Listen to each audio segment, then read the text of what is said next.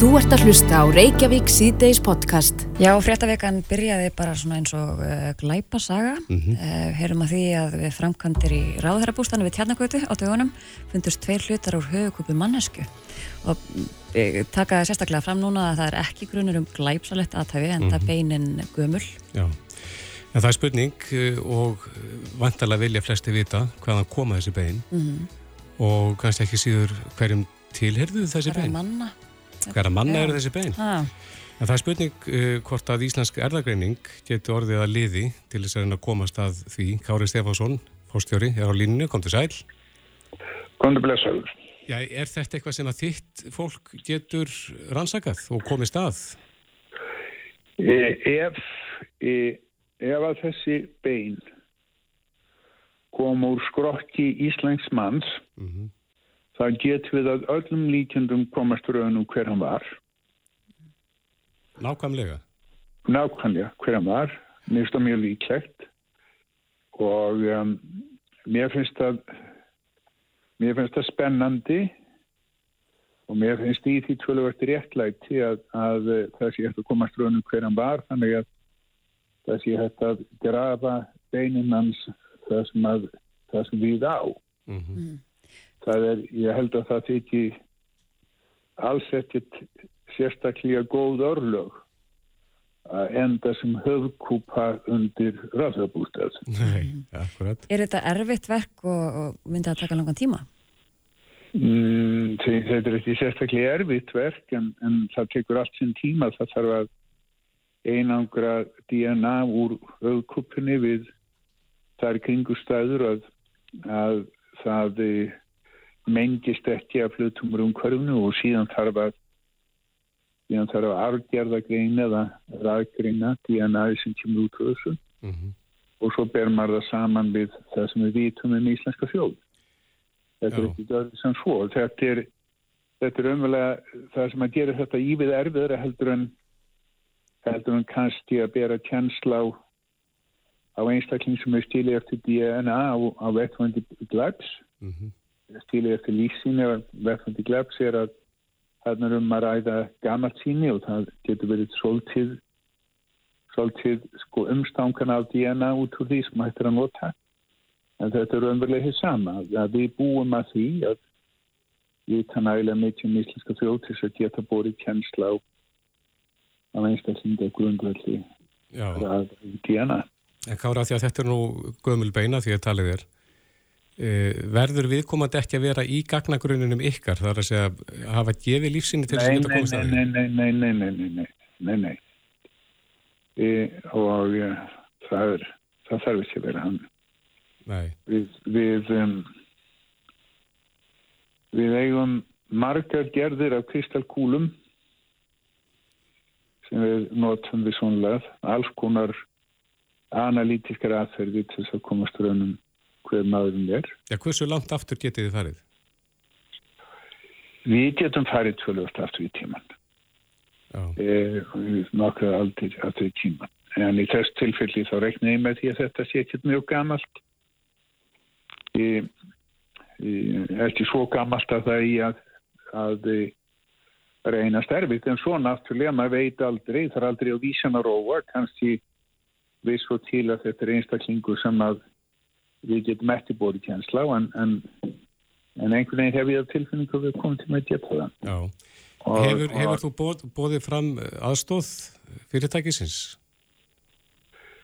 Hef ég bóðið fram aðstóð? Já, ég bóðið fram aðstóð fyrirtækisins. Ég hafið samband við, við uh, það yfirvald sem að ræður mestu um ráðfærabústæðin og það yfirvald bað okkur um að sinna þessu og Já, þannig að þið eru bara komin í verkið.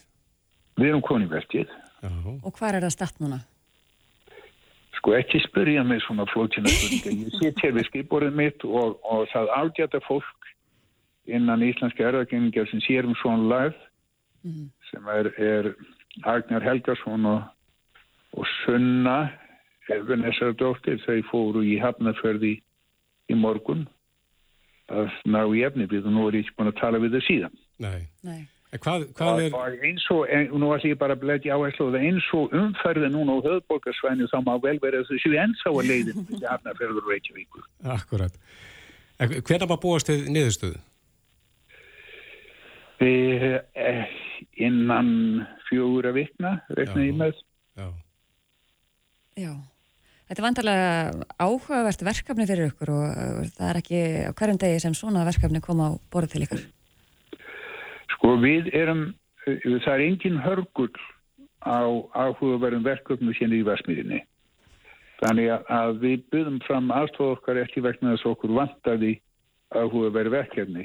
Þetta er okkur einfallega vegna þess að við nú hluta þessu samsélagi og okkur finnst eins og okkur beri stilta að leggja mörgum þegar að, að kemur upp verkefni sem aðri gætu ekki sýnt á sama hátt. Mm -hmm. Er einhver önnur verkefni, Kári, sem að, sem að þið gætuð leist af hendi sem að, sem að er ekki... Mér finnst, mér finnst þessi spurning sko á mörgum þess að vera dónaleg. Spyr mig hvort við gætum lagt einhverða mörgum, þannig svo við sem einhverju auðmyndjar sem að getum ekki einu sem er bundið okkur eigin skóriðbar. Ég held að myndi nú enginn halda það um ykkur. Ég er bara stríðanum, fyrst og fyrir það má.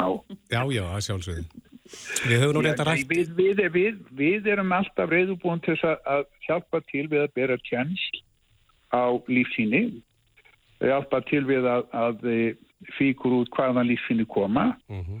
og, og uh, það hefur ekki verið vilji fyrir hendi hjá, hjá lauruglunni til að nýta okkur þegar hafa frekka vilja að senda lífsíni sem það hafi fundið á á litla sveita rannsóknarstofi í Svísjóð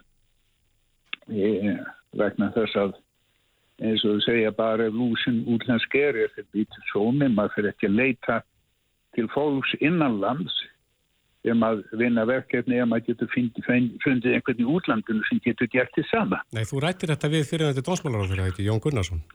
Jú, jú. Ég rætti þetta við Og kom ekki, ekki út úr því?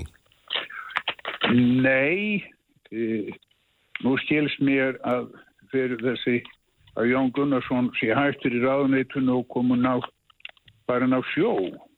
Nú.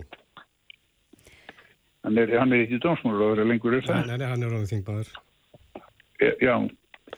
En uh, þau sem rannsaka þetta gætið sé hvort eitthvað saknæmt hafi átt sér stað?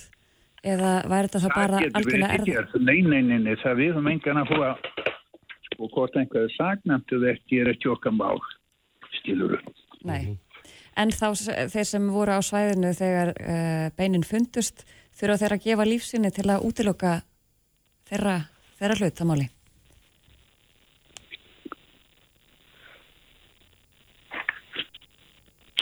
Kári? Nei. Nei. Þar með slitnaði sambandið við Kára. Erum kannski betur í húnni síðar, en... Uh, Þetta er aðeigli verðt, hann hefur tekið þessu þetta verkefni að komast að því hver þessi manneski er Já, sem á eh, þessi bein. Tekur hvað sann ekki fjórar vikur? Jú, um það bíl, Já. á eftir niðurst að leikja fyrir. Þetta er spennandi. Þú ert að hlusta á Reykjavík C-Days podcast. Já, ég vil maður þess að snú okkur að veðrinu, við tölum nú ofta um veðrið, en það skiptir veðri okkur miklu máli. Emitt og sérstaklega núna það sem læðirnar fara að koma, ég sá nú bara á miðlunum í dag að það er von á einni síðsumars læð er um kvölduð, mm -hmm. núna um helgina. Já, fyrsta höstlaði kom um daginn. Já, fyrsta september. Einar Sembjörnsson frá Viðuvaktinni, er komin til okkar, velkomin. Takk, takk. Þetta er nú alltaf skilgeringar að riði hvað er höstlaði og hvað er síðsumarslæð. Já, Já. akkurat. Þú, þú vildi nú meina það að sumari væri ekki búið fyrir en þá hvað undir lok miða september? Nei, nei, á einmitt sko, það eru mjög glögg umskipti sem örðu núna um, um helgina það, mm -hmm. það svona kólnaði frostmarkshæðin og hún lækkaði mikið og að fóra snjóti fjalla. Er það mörkin hjá þér? Já, það er svona dæmigerð svona hausmörki, þegar að hérna, smala fólki þarf að, að berja gegnum slittuna og með, með snjó á tindum í kringu sig mm. það, er, það, það er bara þannig, en auðvitað er það þannig að, að bæði að vorin og haustin sko að þetta er ekkit sko einhver bein lína niður Þetta er þetta að við fáum svo hlít loft alltaf inn á milli og svo smám samar þá kólunar. En svo gerist núna það kólunað og svo lín, er að lína aftur núna eða ekki? Jú, jú lína aftur núna og, og, og, og fara fram að helgi og fram yfir helgi og svo kólunar aftur. Þetta er bara, þetta er bara gangurinn í þessu í september og oktober. Mm -hmm. Já, það er hérna einmitt vindasamt hér en það er vindasamt uh, víða annar staðar. Við rákust á frétt á BBC í gær þar sem fjallar um haugðun hitabeltir þársins Lí sem fór uh, úr því að vera fyrstadegs fellibillur á fymtudeginum yfir í flokk 5 bara á sólarhengi. Já. Sem, sem sérfræðingar voru uh, svona að hafa áhugir að, að þessari þróun. Já, menn sáu það að þetta gæti gerst tilturlega rætt að því að á undanförnum árum þegar fellibilir eru á þvælingi söður á Allansafi og inni á Mexikoflóa þá hefur það, hefur það sést og kannski reykja mun upp af þess til sko Katarínu hérna 2000, kannski 2005 frekar en 6, mm -hmm. sent í ágúst að þá gerðist það að tiltölulega Sæklos fellibilur að hann bara hann, eh, hann, hann, hann snar eldist á stuttum tíma rétt ára hann ekki ekki á land. Og þetta tengja menn sko aukin hlýjindi í yfirborsjónum Mm. Er það eldsniti fyrir fellibíl? Já, það er, það er eldsniti, það er yfirborðsjónu þarf helst að vera 26 til 27 gráður til mm. þess að, að þessi óbáðslega útgufun byrjar eða uppgufun frá hafinu mm. og, og þegar að þegar að gufan síðan aftur þjættist í drópa í skíum og þá losnar varmi úr, úr læðingi og, og reyfi orka fyrir af stað í, í þessari ringreifingu sem er. Þetta eru ótrúlega hérna áhugaverð fyrirbæri fellibilir vegna þess að þeir virka eins og guðvílarnar gömlu í gamla daga Já.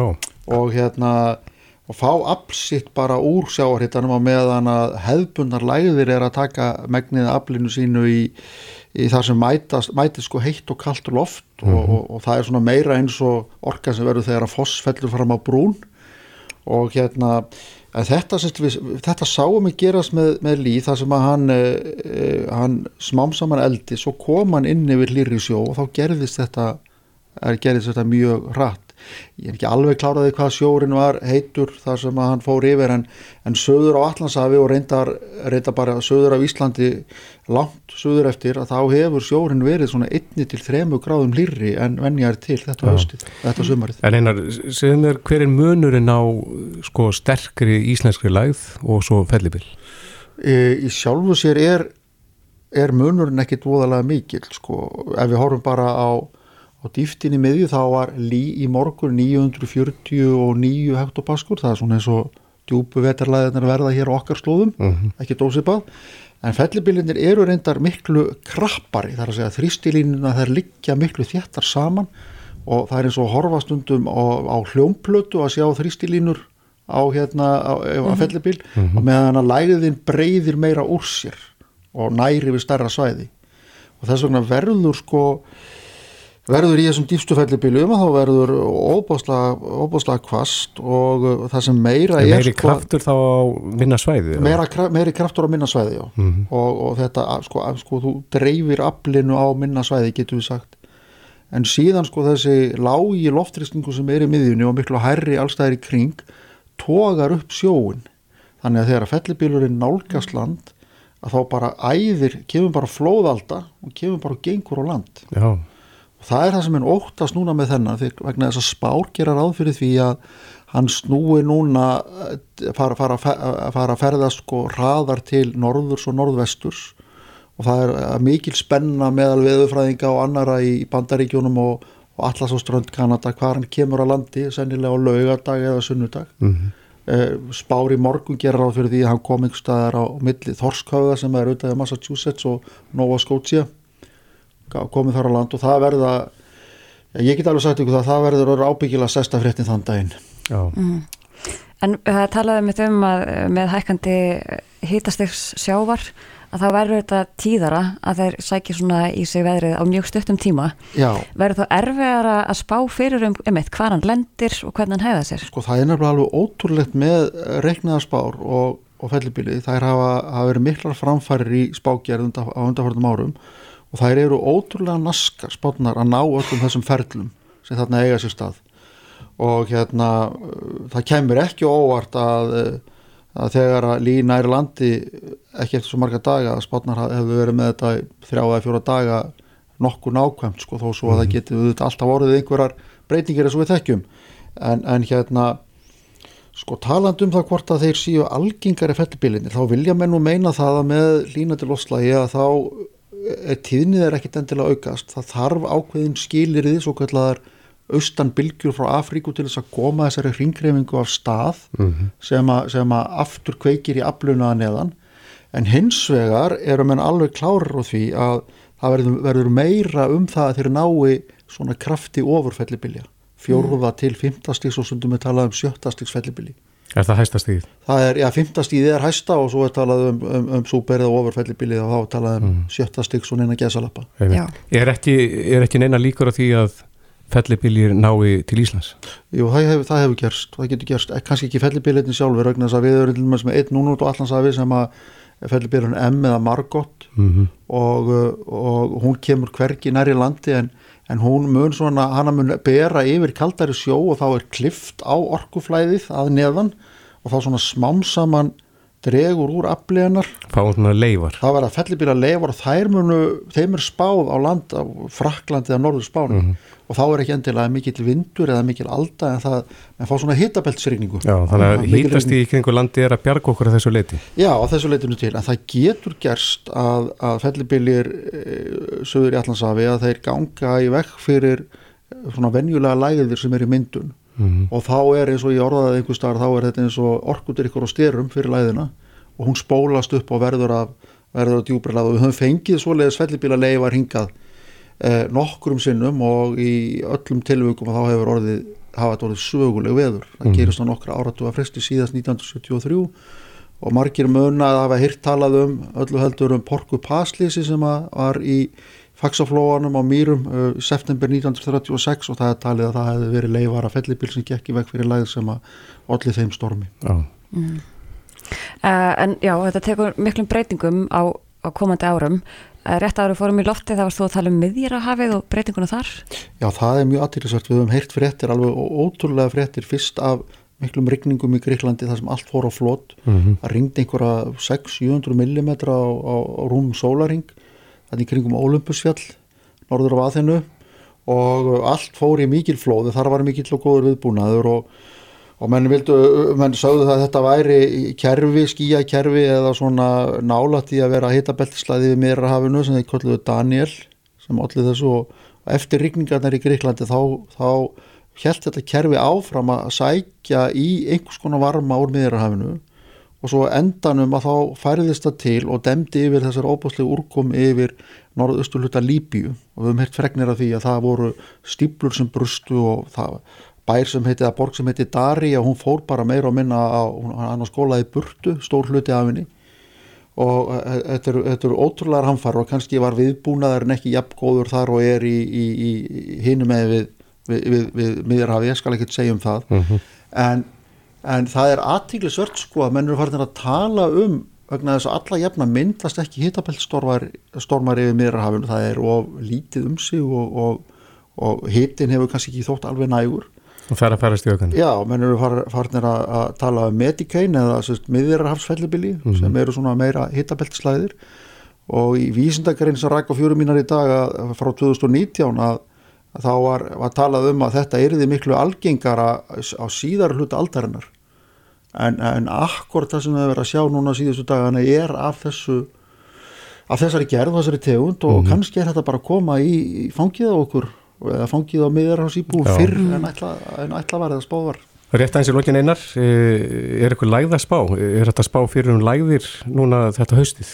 Hvernig... Það er já það er svona ímislegt sem bendir til þess að, að hérna að lægðabrautin að hún komi til með að vera í oktober að miklu leiti fyrir sunnalandið í áttina Breitlandsegum mm -hmm. og, og það er svona, svona stýrt af ytri kröftum daldið af því sem er að gerast í Kirrahafinu og kannski sjáarittanum hér fyrir, fyrir sunnan okkur en það er allavega ekkit sem að bendir til þessi langtímaspám að að, að braut höstlaðana muni liggja hér yfir landið á næstu vikum sko en, en það verður svona meira utan í okkur og, og ein og ein sem að rati yngað Það er góður fyrir Já, liftist hérna á okkur andletið bara mm. á gliði uh, Við þakkuðum bara kella fyrir komina Einar Sveinbjörnsson og, og fræðsluna Takk, takk. Þetta er Reykjavík C-Days podcast. Við rættum hérna fyrir stjæmstu um auper.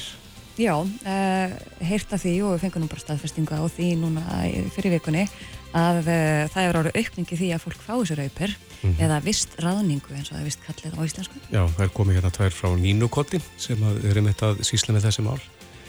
En uh, á síðasta þingi var Diljami Steinarstóttir, þinguna sjálfstæðisflokksins, með fyrirspurna þingi um þessi mál og Diljami er komið til okkar. Velkomin. Takk fyrir það. Ja, hvernig kom það til að þú fórst að velta þessu málum fyrir þér?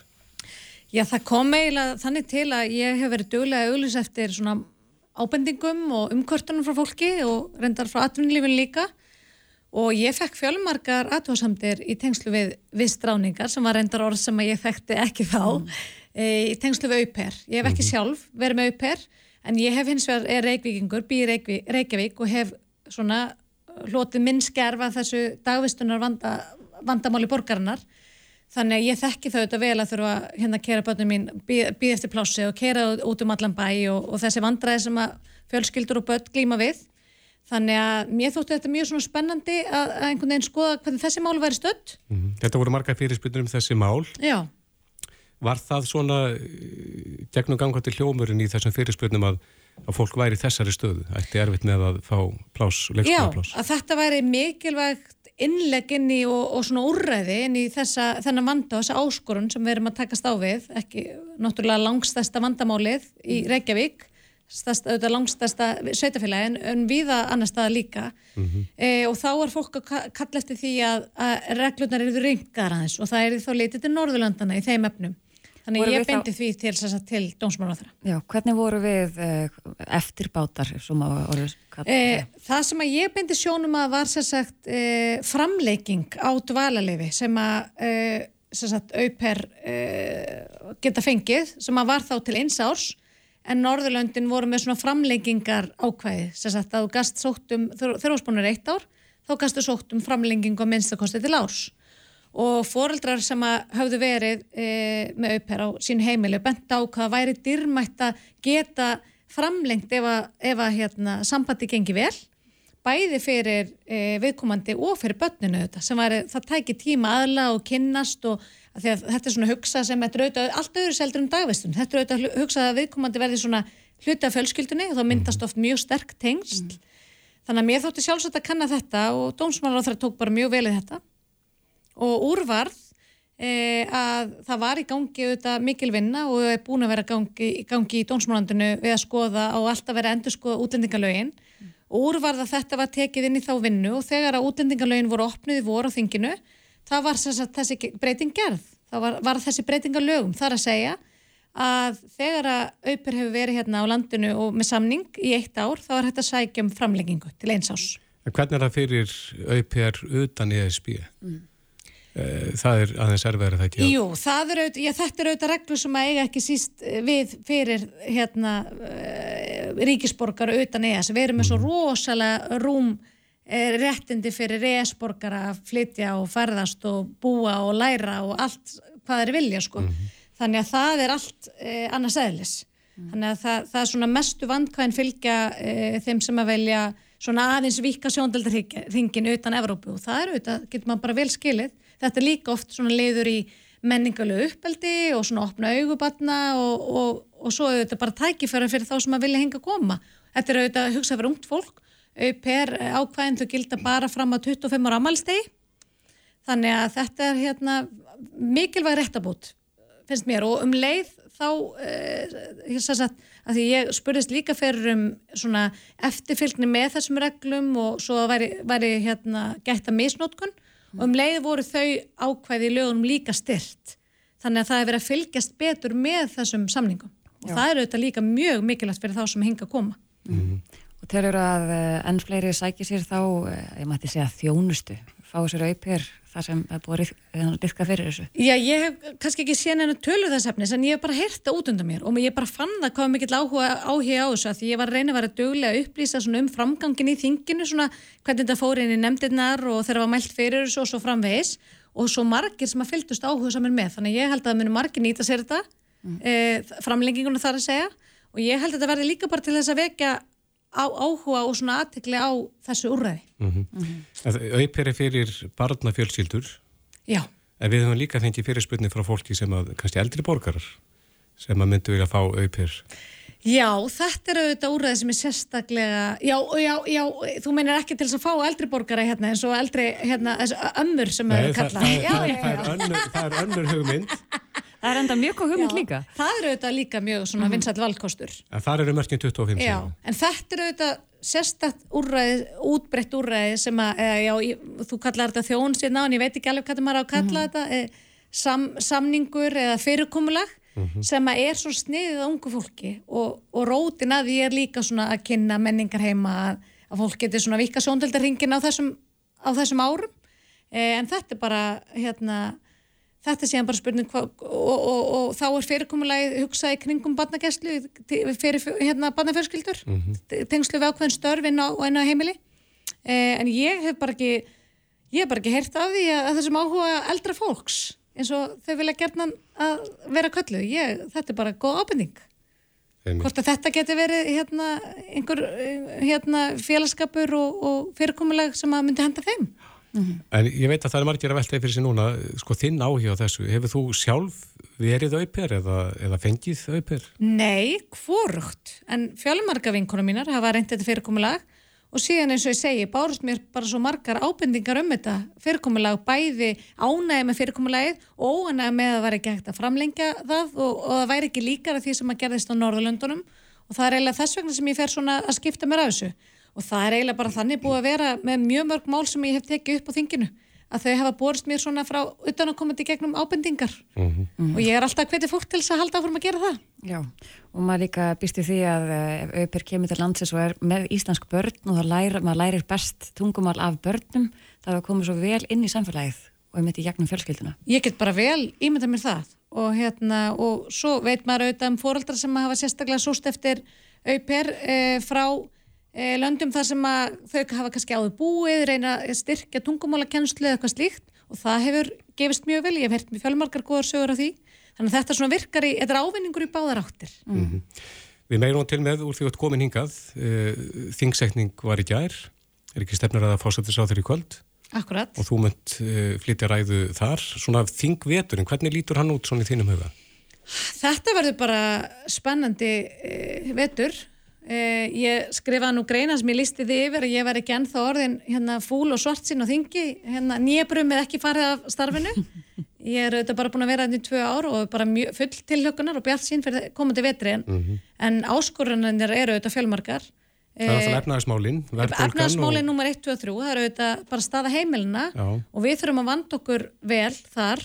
Fjármálur á það er búin að slá ákveðin tón. Eh, en við þurfum að fylgja því vel eftir og veita því ríkt aðhald í þinginu því að það gerist því miður að þegar við tökum síðan við eins og hugmyndum hérna, tilögum fjármálræðara þegar við tökum við fjárlæðafrömmappi að þá byrjar svona það sem ég vil kalla útgjaldasöðu í þinginu, þá byrjar þetta pot og núningur hjá þingmannum sem er, að reyna að koma áfram verkefnum í, í gegnum sína skjólstænga sem eru auðvitað kjósendur. En að við verum auðvitað að gæta aðhalds og vera ströng við okkur sjálf núna í haust E, síðan eru fjölmörgunu verkefni, það eru auðvitað samgöngumálinn, samgöngusáttmálinn, hann eru auðvitað að vera svona mjög ofarlega umræðinu undanfanna daga og vikur og ég held að, að hann verði til umfjöllunar á þinginu, næsta vist. Átök, já, minnstu kosti verður við að ræða því að það var gert ákveðið samkómulega sem okkur sínist að hafa ekki verið staðið við. Það er ímislegt sem eru ekki staðistæðar, ekki bara kostnæðar áallanir og og svona óljós fyrirheitum rekstur heldur líka bara framkvæmdi sem á löng, verið löngu byrjað að, að ráðast í og hefur ekki gengið eftir mm -hmm. þannig að við þurfum auðvitað að veita því ríkt aðhald mm. Svo eru fleiri mál sem má vantilega búast í miklum hita í kringum eins og lauruglu lög sem að fóru ekki gegn síðast og svo eru útlendingamálinn Já, við náð, náðum auðvitað í gegn mikilvægum réttabótum í útlendingamálum í vor, en já, það, það er hérna, réttmætt ábyrning að ég held að það verði áfram stort umræðöfni á þessu þingi og mikilvægt að við náum e, sátt í þessu máluflokki. Við, og þá hefur við nú kvartið þessi sástæðaflokklum að við lítum einfalla til Norðurlandana og reynslu þeirra, því að þau eru yðurlega e, á undan okkur, svona aðeins á undan okkur þróuninni í, í flestum ef ekki öllum máluflokkum og þetta er einn af þeim og við getum litið til þeirra hort á það sem að hefur gefist vel og, og mistökju sem hafa verið gerð og lært af þeim í stað þess að reyna eins og við viljum svo gerðan gera að endur taka mistökjun hérna á, á okkar eigu mm. og eins og Kristoffer sagði að þú heldur tölu í kvöld í dag. Uh, fáu eitthvað að vita meira hvað ætlar að segja er þetta bara... Ég held að ég bara hveti hlustundur til þess að stilla inn á, á útsendinguna. Uh, þetta eru auðvitað umræða um stefnuræðu fórsættisráþra þar sem að við þingmenn erum svona ræða áherslur á komandi þingvetri og svona sín okkar, svona samfélagslega sín í hvað átt við ætlum að halda. Mm. Þannig að það verður bara mitt innlegg í, í kvöld, mín sín á það hvert við eigum að stefna sem samfélag. Já, við leggjum við hlustir. Já. Dilja mig Steinastóttir, þinguna sjálfstæðarflokksins, kæra þakki fyrir komuna. Takk fyrir mig. Þetta er Reykjavík C-Days podcast. Þannig mikið talað um borgarlínu og hefur verið undarfærin ár. Já, heldur betur. Og sitt sínist hverju með það. Einmitt og með við það sem er að gerast núna þá verður áfram talað um hana. Já, en við heyrðum af svipuðu verkefni, þess að borgarlínu verkefni í Óðinsviðum í, í Danmarku. Mm -hmm, já, og, sem ég get nú bara illa búið fram. Já, svona heitið á þessari borgarlínu þar. Já. Á línunni Þormar Þorbergsson, súkulaði gerðamadur sem að býr í Óðinsviðum og hefur búið þar lengi. Kom til sæl. Já, sæl, sæl. Já, er það ekki, það er, er tekist á um borgarlínu í óðinsvíðum eins og hér á Íslandi? Jú, jú, jú, þetta er náttúrulega, náttúrulega framkvæmdinn er búin hér og, og þetta er allt saman komið í full gang. Já, en um, hvað, um hvað stendur styrinn þá? Já, það gengur bara mjög illa að reyka þetta og fá fólki þess að nota þetta.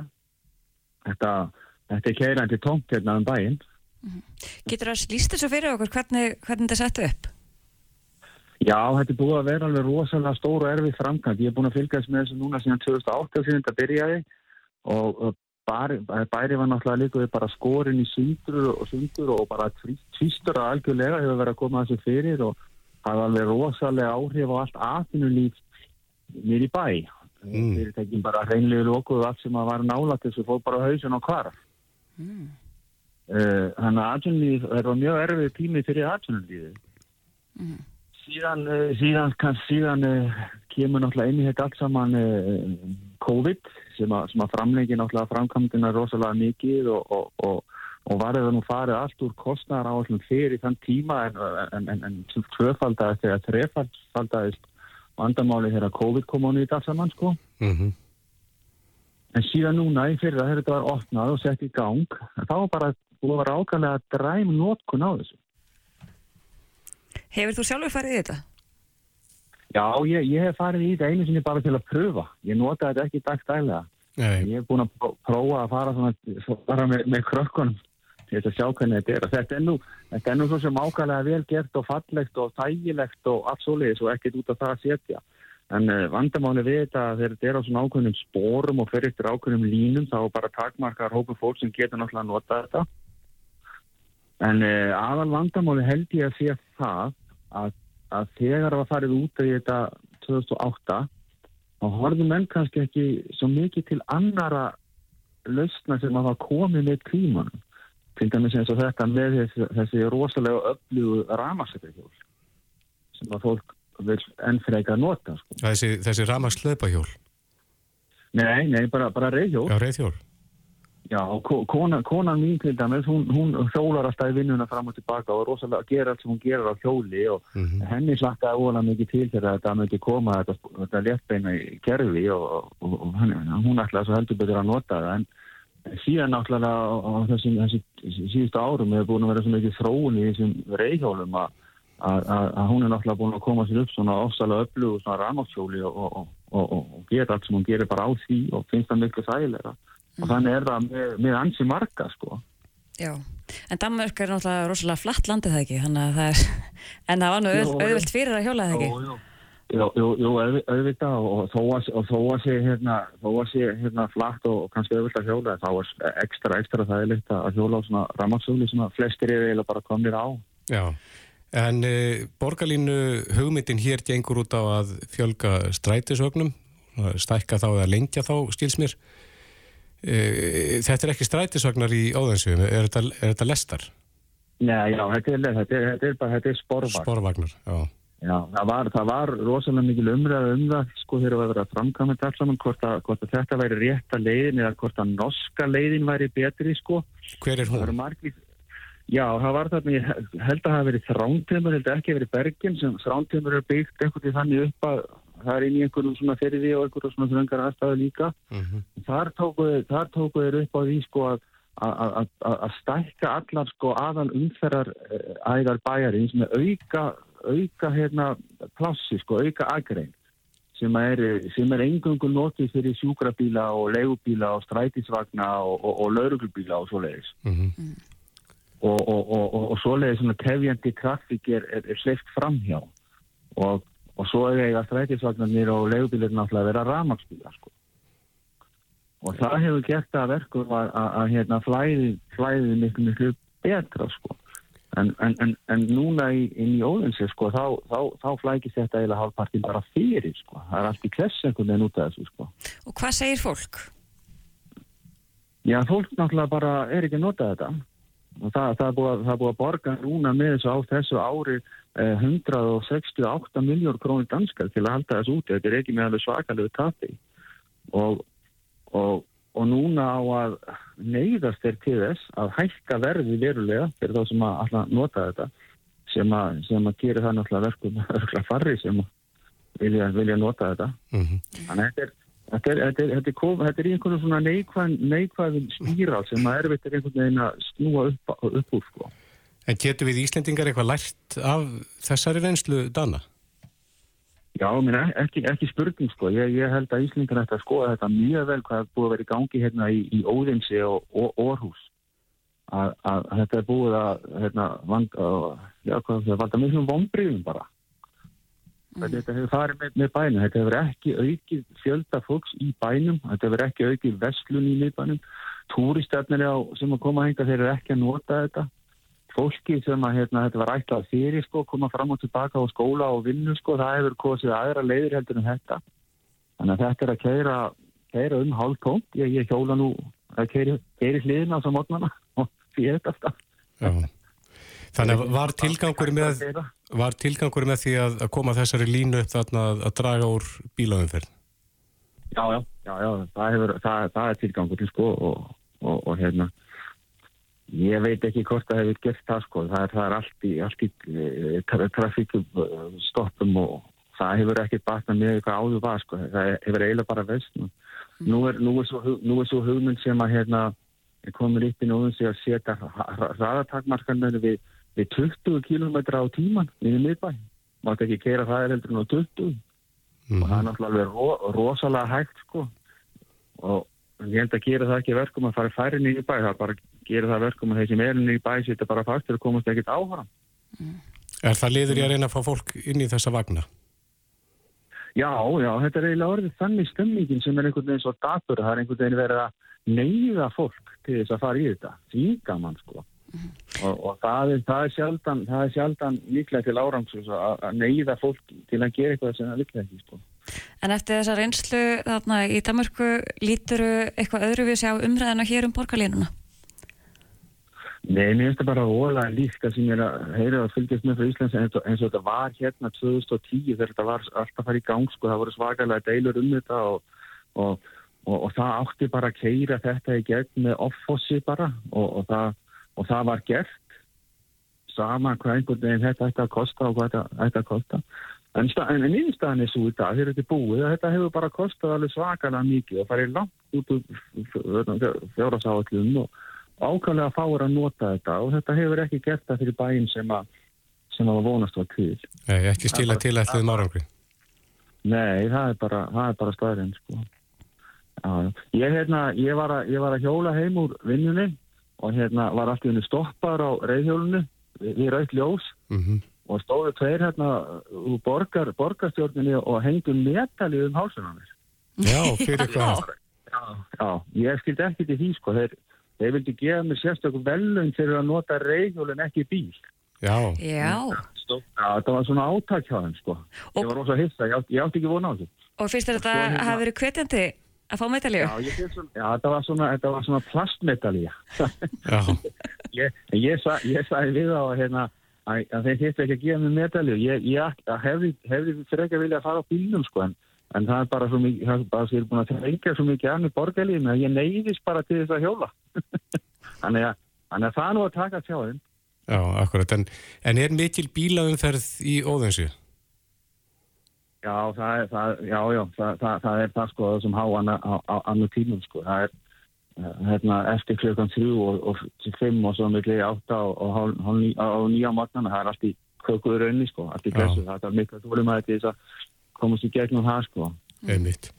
Ég, ég, var nú, ég, var nú, ég var nú sjálfur Íslandin daginn og var að keira mér Reykjavík sko mm -hmm. og ég, mér, mér finnst sko, mér finnst ekki vera svo voðalega erfitt að komast á milli stæði Reykjavík. Ég skil ekki hvað fólk er að gargar svo mikið yfir þessu sko, mér finnst þetta bara ganga yfir þokkalega, það er hérna kringlumjölabröðin og myndlumjölabröðin og svona þessi stóru æðar á áana tímum sem er mikil umfett, mm -hmm. en það er, er allstaðar maður, það er í köpum, það er í orðum, það er í óðum, það er öllum þessu bæðin, það er allstaðar þannig sko. Já, þetta er kannski ekki... Þetta er kannski ekkit stórt vandamál ef maður setur þetta í samhengi við annað sem finnst erlendis. Nei, ég, ég, ég skil eða ekki hvað Íslingar er alltaf að gera óvala mikið veður út, veður út úr þessu. Maður er einhvern veginn venst í bara þegar maður býr í Stórborg að það er svona daldi, daldi, daldi svona mikið af fólki, sko. Það er bara hann, sko. En Þálmar, ég man nú til með áður við sleppin þér. Þú ert súkulæði gerðamadur í. Já. Og í dag er alþjóðlegu dagur súkulæði, sem ég bara óskæði til hafmyndi með daginn. Nú, já, takk fyrir. Er, er nóg að gera fyrir súkulæðgerðamann í Danmarku? Já, já, Daniel er ekki þetta hægt að fara að borða sölgeti og súkulæði, sko. Ég, sko. Ég, hérna, já, já, það er nóg að gera. Við erum í svona kennslu og námskeiði hald alveg á fullu núna, sko. Að kenna fólki að búa til súkulæði? Já, það er rosa, rosa áhugi, áhugi fyrir því. Að, hérna, hei, alls konar svona heimabakstur og, og, og svona huggið kringum súkulæði, það er svona Það er svona september-oktober verkefni hjá okkur súkulæðabransin, svona áður með líður á jóla-aksjóni. Ég talaði eins og við mann sem var að flytja einn súkulæði til Ísland og hún fannst svo rúslega merkilegt hvað við vorum að borða mikið að ljósu súkulæði. Er það líka Já. í Danmarku? Já, það hefur breyst alltaf. Það, það, um, um það byrj 65% af súkulæði sem er borðaðir í Danmarku, það er ljóssúkulæði og 35%, það er 30% döggsúkulæði og 5% hvitsúkulæði. Þannig að Dökka súkulega er að sækja þetta aldrei á og hefur verið að gera. Mm -hmm. En hérna, Danmark, Danmark er það land í Skandinavíu sem borðar mest dökt súkulega. Já. Já. Og blandar því saman kannski við lakris eins og við?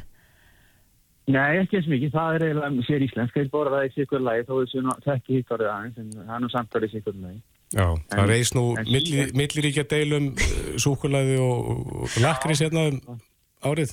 Var, já, já, ég maður eftir því, maður eftir því. Það er vonandi búið að leysa það fyrir samlega. Já, já, það gerðist. Já, gaman að heyrir Þormar Þorbjörgsson, þú svona vilt að Íslendinga líti til óðinsvíða, svona til þess að fá reynslu af borgarlínu. Já, nægt af allir því sem er búið að misfarast og, og, og, og svo líka að skoða myndi ég segja sko hérna, hérna hvað ég gerði hérna í, í Nóri þar sem að þeir búa við svona til til að svipa, viðfara og við, það er hérna mjög betur hjá þeim að með skilst. Akkurat. Mm. Þormar Þorbergsson, súkulega gerðamæður í Óðinsvi. Kæra þakki fyrir þetta, gaman að heyri þér. Já, semlega, takk. Reykjavík síðdeis á Bilginni podcast. Það er nú alltaf klukkuna 13 mínútur í 6. Við ætlum aðeins að ræða öldrunamál. Það verður uh, ráðstefna uh, í Hörpu á morgun uh, sem gengur undir nafninu Eldri og Betri 2023 áskoranir og lausnir í öldrunar þjónustu. Já, mjög aðeinsverð og þetta er náttúrulega snertir alla. Við mhm. hefum öll eitthvað sem er eldri og svo bara stefnu við öll þanga ef Guð leifir og hérna. Leimitt. Það fyrir við líka á það líka. Já, og það er Soltún, heilbyrðisþjónusta sem að stendu fyrir þessari rástefnu og fórstjóri Soltún sem kominn. Halla Tóratsin, velkomin. Já, takk hella fyrir. E, þið ætla að ræða öldrunamálinn. Er við, er við svofandi í þessu málum eða? Mm, það er mjög margt gott að gerast og það hefur verið mikið þróun í þessum málaflokki en við ætlum að fara yfir um hver þróunin er framöndan. Þjóðin mhm. er að eldast og eldrum er að fara að fjölga hlutfæslega mjög hratt. Við sjáum það næstu 25 árum þá munum eldrum uh, fjölga þess að tvöfaldast og uh, við erum kannski að horfa á líka þessi sem eru í þjónustu þingsta hóknum, þeir sem að þurfa kannski mestu heilbyrjus þjónustuna þá tölum við oft um aldursópin 80 til 89 ára mm -hmm. og næstu árum er hann að fara uh, hann að fara að fjölga um 85% og hvað þýr það eiginlega? Þannig að það vil maður að fara yfir það og koma líka með lausnir mm. þannig að það, þetta verður mjög áhugaverð rástefna. Og við byrjum á hverjar eru þessar helstu áskoranir? Já, sko, um, þegar þjóðunar eldast og eru fleiri raun og veru aldraðir, þá, þá mun alltaf kostnar við heilbyrðistjónustu og velferðarþjónustu aukast og við sjáum raun og veru að þessi aldurspíramidi, það sem að hérna áður fyrir þá var kannski færri aldraðir og, og fleiri yngri sem að raun og veru þá er kannski fleiri skattgreðendur og færri sem að þykja þjónustu, þetta er að fara að snúast við. Þannig að ég myndi segja raun og veru þessu aldurspíramidi er að fara að breytast í kebab. Hann er að fara svona, hefði sjá kebab fyrir ykkur það eru fleiri aldraðir. Mm. og á móti kemur þá er uh, þessum yngri, þessum vinnandi höndum fólki, þeim er að fara að fækka. Þannig að það eru minni skattegjur og líka færri hendur til þess að uh, þjónusta í raun og veru öllum geirum en líka sérstaklega í velferðarþjónustu þannig að við þurfum einhvern veginn að bregðast við í raun og veru sem aukna kostnaði og uh, þessum mönnunaskorti og þarna það eru, við ætlum að ræða það svona leggja okkur í púkið, við erum búin að kynna okkur uh, hvernig hlutin eru gerði ellendis og það er mjög margt líka áhugavert að gera hjá okkur hjá Soltunni. Mm -hmm. Við erum að reyka hjúkunaheimili í Hafnarferði, Solvang og Soltunni Reykjavík síðan 2002. Uh, við hefum byggt upp endurhæfingaúræði á Solvangi sem heitir Soltun heilsusetur sem er að skila mjög góðum árangri í, í svona bættri heilsualdrara. Við erum með heimaþjónustu síðan 2017, samt að heimaþjónustu heima hjúgrun og þar leggjum við líka áslöðu að hjálpa fólki vera eldra betra. Þannig að hérna, já, það er mjög margt hægt að gera við ætlum að ræða það á morgun. Mm -hmm. En þessum, uh, þessi hópur er að stækka og mun stækka töluvert á næstu árum en ef við eru líka verða hraustar er það ekki? Jú, líka og við sjáum það að, að svona, við munum ná herri aldri, það er alveg augljóst þannig að svona almenn sé að verður hilsan betri, við erum -hmm. meðvitaðari um bæta hilsu. Þannig að fólk mun geta búið heima til dæmis uh, lengur? Já, ef að fólk er hraust mm -hmm. en ef að hópurinn heildarhópurinn er að stækka þá mun fjölga þessum hópi sem að þarf að þjónustu að halda, það, er, það blasir við mm -hmm. En þú segir eldri og betri, hvernig getur maður haldið sér veist, betri þetta á hægnandi aldri? Já, frábæri hugmynd. Það eru náttúrulega ymsa leiðir og, og, þarna, og það er náttúrulega bara að huga að heilusunni og við, við svona unga fólkið, ég er þarna á 50 aldri, við þurfum að passa sérstaklega upp á heilsuna og hreyf okkur og styrta þjálfun og allt það. Um, það sem að gerist með hækandi aldri er að við reyjum okkur svolítið minna, við kannski fyrir með eftirlaun og þá kannski setjum við meira eitthvað þannig. Og það er bara stór hættulegt. Við verðum að halda virkninni, uh, andlir og líkamlir í helsu, mm. passa mataræðið og þarna, þannig að það er mjög margt sem að við verðum svolítið að taka ábyrð á eigin helsu. En þessi aldurshópur svona 80 til 89, 90 eitthvað ára, þessi hópur, hann hefur kannski orðið svolítið út undan og þannig að kannski einhvern veginn trú að þessi hópur honum bara uh, versnar og, og verður þá hrumari og veikari en, og veikbörðari en það er ekki þannig. Við getum endurhæft þennan hóp þannig að hann verður sterkari með markvisum aðgjörum og, og það er það sem við þurfum að leggja mikla áherslu á. Svo mhm. forvarnir og yngri hóp og líka að raun að veru já, endurhæfa þessa sem eru 8-89 ára þannig að þau þurfi minni heimaþjónustu og heimahjúgrun, uh, minga líkur á byltum sem eru stórhættilegar ef fólk dettur og, og brotnar það er mjög dýrt fyrir helbriðskerfið og það er náttúrulega bara bæti líka lífskeiði fólk sem að býr heima. Mm, og hvernig væri svo endurhæfing? Er það eitthvað svona tekni? Já, sko við erum með svona, við erum með það sem heitir Soltun heilsusettur sem er uh, í Hafnafjörði sem er opnið fyrir áru síðan sem er rekið á samlengi við sjúkartryggingar Íslands Þannig að ríkið er að, að leggja í svona endurhefingu þar og fólk kemur til okkar, skjólstæðingar heimahjúkurunar höfubakarsvæðisins getur komið til okkar í fjóra til sex vikur og farið hraustara heim og gladara og við ætlum að, að segja frá árangrunum þar á morgun.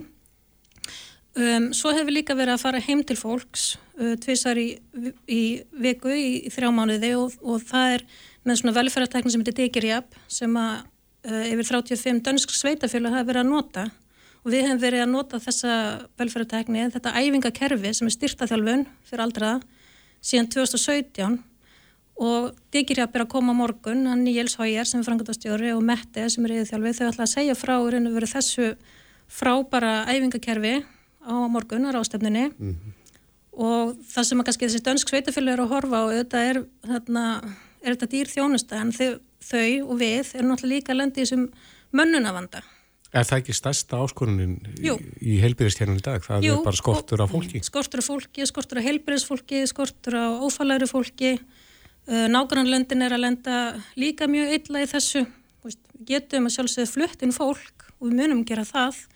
En við þurfum líka bara að gera fólk hraustara þannig að, að það getur verið sjálfstæðara á einn heimili. Þannig að aukinn lífskeiði fólkin í því að því að veist, það er enginn sem að vil fá þjónustu heim að það getur bara séð um sig sjálf. Mm. Er, er tæknin, getur við nýtt hana eitthvað í, í þessu? Já, þetta er það sem er kallinlega velferðatækni í raun og veru. Þetta er æfingakerfi sem er sérsniðið á spjaltölfu og starfsmæður sem er þjálfaður sérstaklega í þessu, hann er bara er með spjaltölfu og fer heimtíðín, stendur yfir þér og segir hvað átt að gera, þessar styrtaræfingar sem að við veitum það alveg sjálf, náttúrulega, við veistum að gerir ekkert alveg styrtaræfingar sjálfur heima nema vera mjög mótiverar sko mm -hmm. en ef einhver stendur yfir þér og segir þér hvað átt að gera og sýnir þér æfingar á tölvu og, þarna, og þá, þá gerur það og þetta er að sína ótrúlega mikinn árangur í, í sko, mingun á heimaþjónustu í þessum sveitafélögum og þarna og bara auknum lífskeiðum mm. Og þegar fólk vel í þetta? Já, Þessi fólki finnst þetta æðislegt mm. starfsfólki finnst líka gaman að veita þessu þjónustu að því að í velferðþjónustu þá eru kannski svolítið vön að sjá fólki verða braka en að sjá fólki og líka við talum um svolítið heilsusettur þú veist það er svo gaman að sjá fólk vera gladara og sterkara, vera jákvæðara uh, hafa trú að einn getu, vera virkari. Þannig að já. Þannig að þið sjáuð árangur af þessu. Alveg klárlega, mm -hmm. við getum sínt fram á það tölum og, og það verður það digir ég að muni sína fram á það á morgun. Og líka já. bara hvað getur sparað í mannabla Einmitt, mm -hmm. þið ætlaði að byrja í fyrramáli klukkan 8 uh, 8.45, Viljum Þór Já, Viljum Þór ætlaði að opna ráðstefnuna mm -hmm. Svo ætlaði ég að fara aðeins yfir þessar áskoranir og, og, og þarna, taka saman þessar lausnir sem við sjáum að þurfum við að fara yfir Við sjáum líka fram á um, að það þannig að fjölgar hjúkunar í mig, við ætlum að ræða það en, þarna, en já, svo bara koma þarna mjög áhugaverði fyrirlesarar, bæði frá Breitlandi, uh, Danmörku og það sem er að gerast áhugavert á Íslandi. Mm -hmm. Mm -hmm. Og allir velkomnir? Allir velkomnir. Uh, Getið farið inn á soltun.is og keft ykkur með það. Það eru nokkru meðalausir í kvöld og ég get lofa mjög spennandi rástefnu. Já, akkurat á morgun í, í hörpu. Halla Tóratsson, fóstjóri Soltúns, helbriðis þjónustu. Þetta er náttúrulega þarft mál að tala um og, og verður gert svo sannarlega á morgun. Kæra þakki fyrir kominu. Takk sem er leiðis. Hlustaðu hvena sem er á Reykjavík C-Days podcast. Já, Kristoffer, ert ekki farin að finna fyrir því að höstið er komið? Jú, það eru nokkri dagar síðan að það gerðist. Já, ég er svona áttæð með það að geitungarnir voru farin að sækja inn og aldrei verið pyrraðari.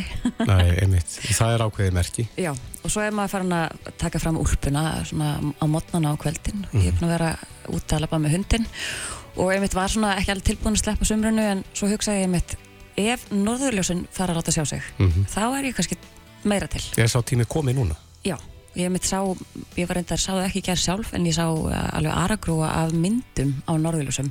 Brjálagslega falliðum norðurljósum sem voru gerð og ekki nómið það, það var, hann var vígalegur heiminin og hann veit nú meira um það sá sem er á línunni hjá okkur uh, það er Sævar Helgi Bragason stjórnu Sævar. Og vísinda miðlari Já, heldur betur.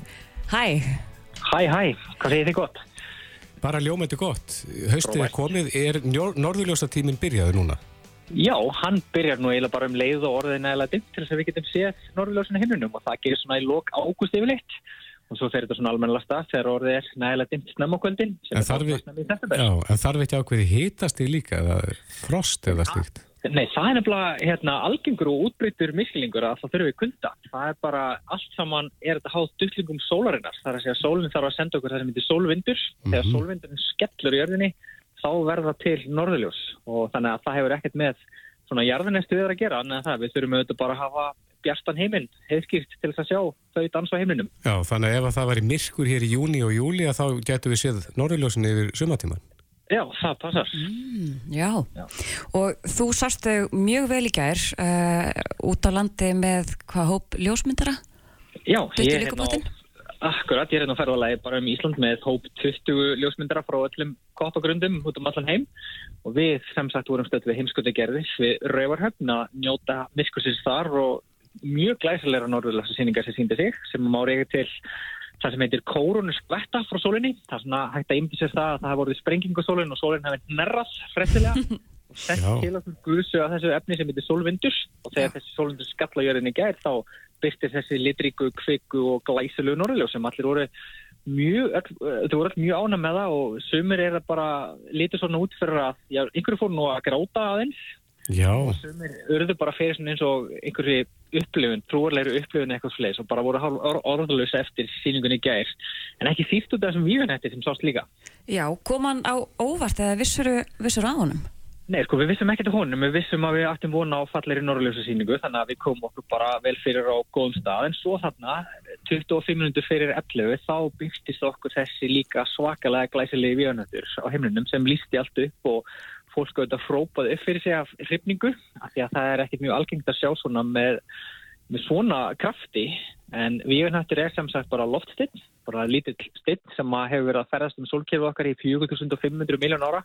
Og svo bara í gær kvöldi þá varði jörðin í vegi þessa steins og þegar hann stingur sér eins og manneskja til sunds í gegnum andrupslóttið okkar að það byrja hann að lýsa upp, lýsast upp og brotna og, og hann var svo skæra hann sást bara frá landinu öllu þannig að við vorum á besta stað til þess að sjá hann og náðum að fanga hann mynd og vídeo sem eru engar glæsileg já. Eyðist svona steinn upp eða fer hann framhjá eða lendir hann eitthvað stað? Hvernig, að svona öllum líkindum þá hefur hann bara brunnið upp til agna í andrumsloftinu þetta er alltaf gerist í svona kannski 100 til 60-70 km hæðið eitthvað leys hvað er hann stór þegar hann kemur inn?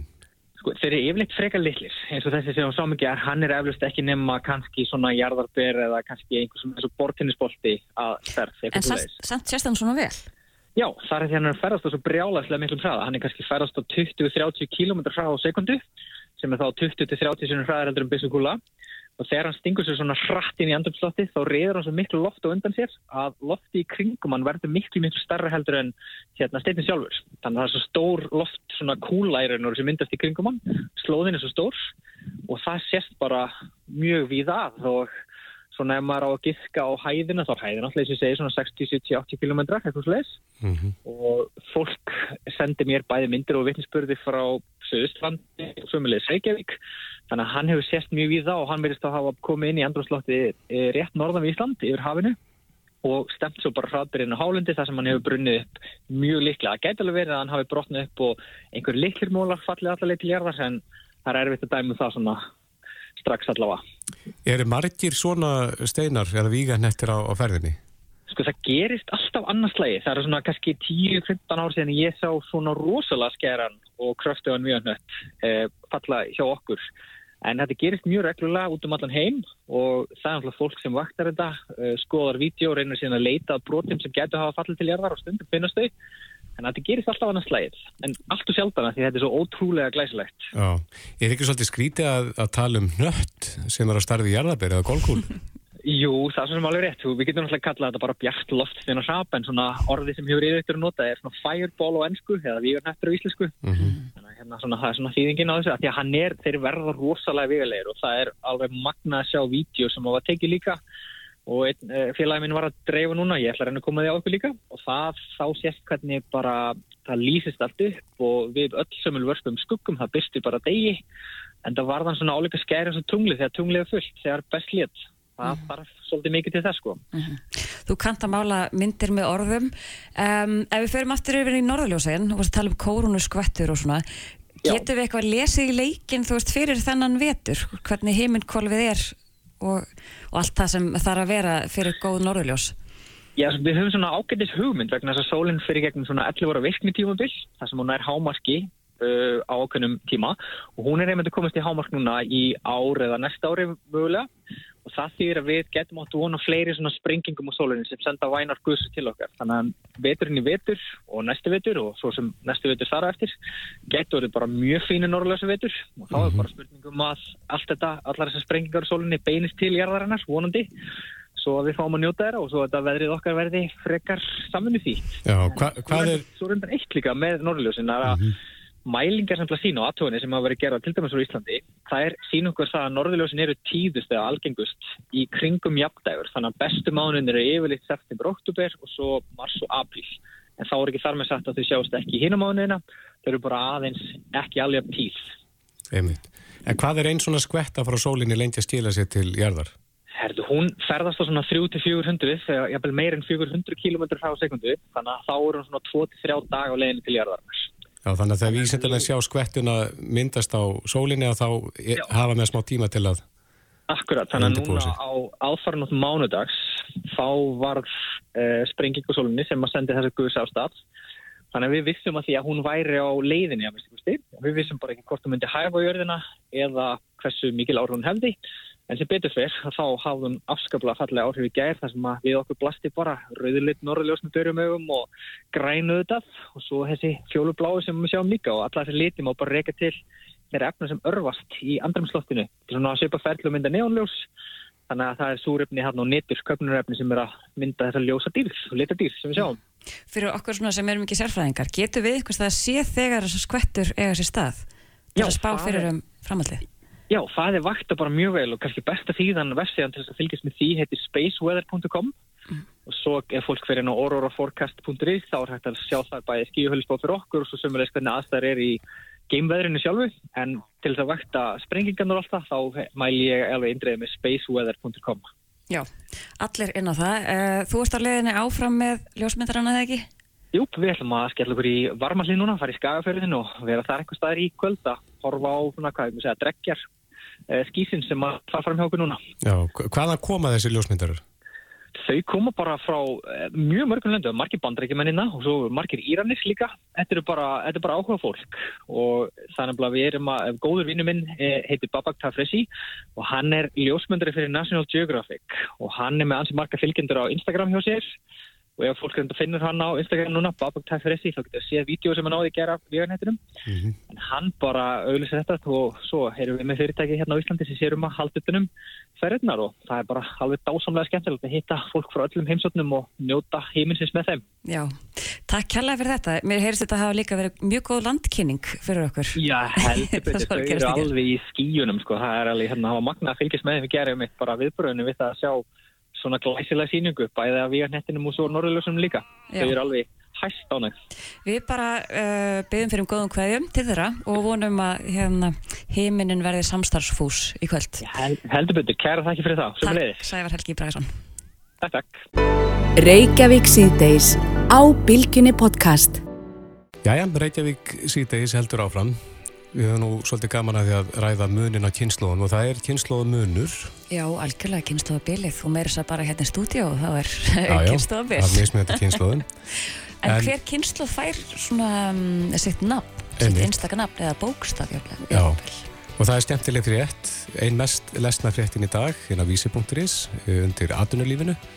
Seta kynnslóðin byrjuð að breyta öllu, sleppa háskólanámi og eru meðvitið um úreldingu starfa segir í fyrirsögninu og það er Rakel Svensdóttir Rittstjóri sem skrifar þessa grein, Sæl Sælu verður þið?